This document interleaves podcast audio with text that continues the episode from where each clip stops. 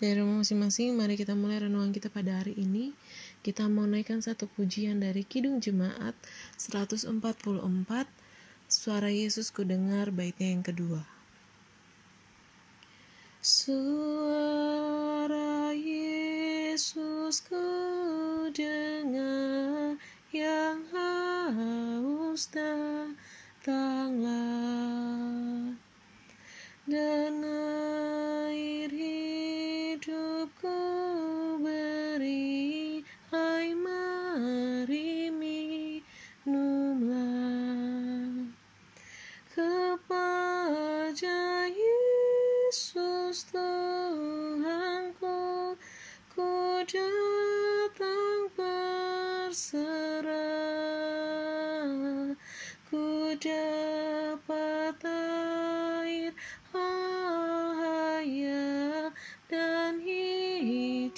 dalamnya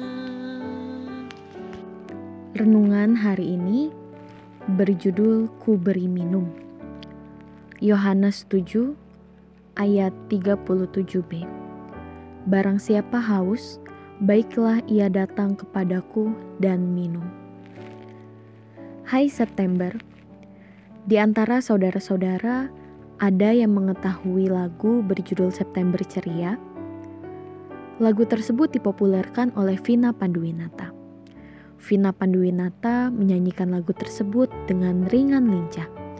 Di bagian refrain dari lagu itu berbunyi, September ceria September ceria September ceria September ceria Milik kita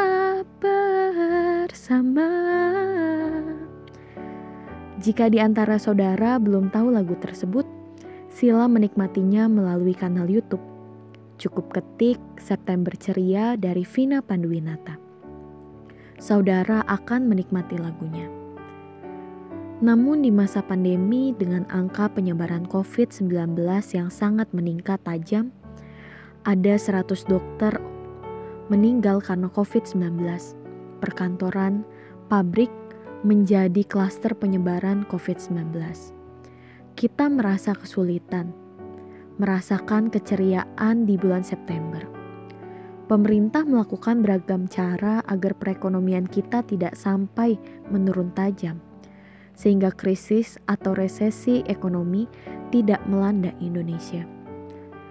Tempat wisata sudah dibuka, tempat perbelanjaan, restoran, kafe semakin banyak yang sudah beroperasi kembali semua sektor usaha kembali berjalan dengan catatan semua harus mematuhi protokol kesehatan. Pertanyaannya, apakah semua pelaku ekonomi, konsumen, sungguh serius melakukan protokol kesehatan? Apakah masyarakat sungguh bekerja sama dengan melakukan protokol kesehatan? Sebab kehidupan haruslah kita jaga bersama Terlebih lagi, ada 100 dokter sudah meninggal dunia karena COVID-19. Bagaimana sebuah negara dapat menjadi kuat jika para dokter, khususnya dokter spesialis kita sangat minim? Sulit rasanya kita mengatakan yuk ceria di tengah kenyataan saat ini. Namun, renungan ini tidak hendak membuat kita terpaku pada kenyataan yang sulit – sehingga membuat kita menjadi murung. Berangkat dari kenyataan ini, saya mengajak kita mengarahkan hati kita kepada Tuhan Yesus.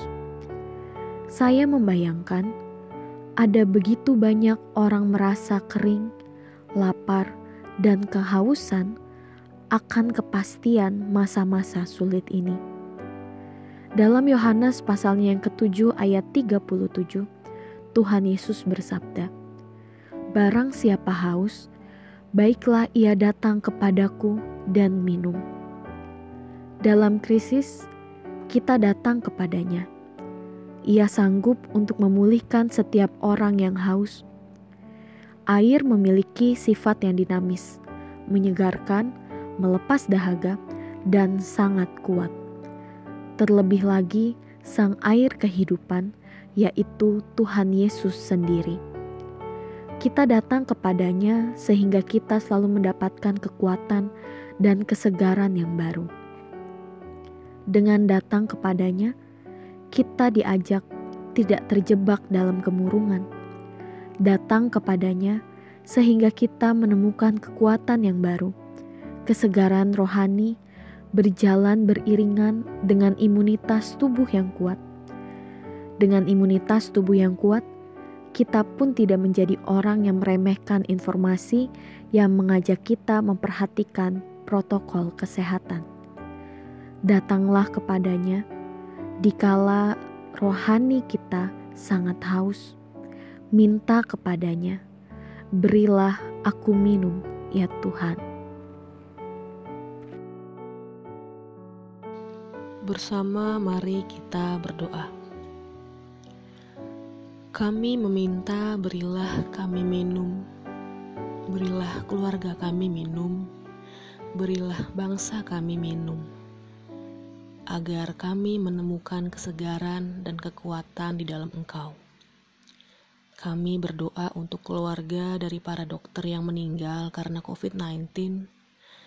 Berilah mereka minum sehingga mereka menemukan kesegaran dan penghiburan di dalam Roh Kudus. Kami berterima kasih untuk kesediaan banyak orang yang berjasa merawat dan memberi pengobatan bagi banyak pasien.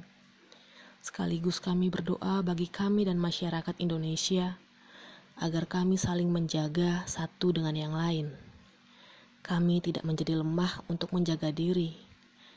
Dengan keselamatan seluruh anak bangsa, bangsa kami menjadi bangsa yang kuat. Amin. Demikianlah renungan hari ini. Tuhan Yesus memberkati.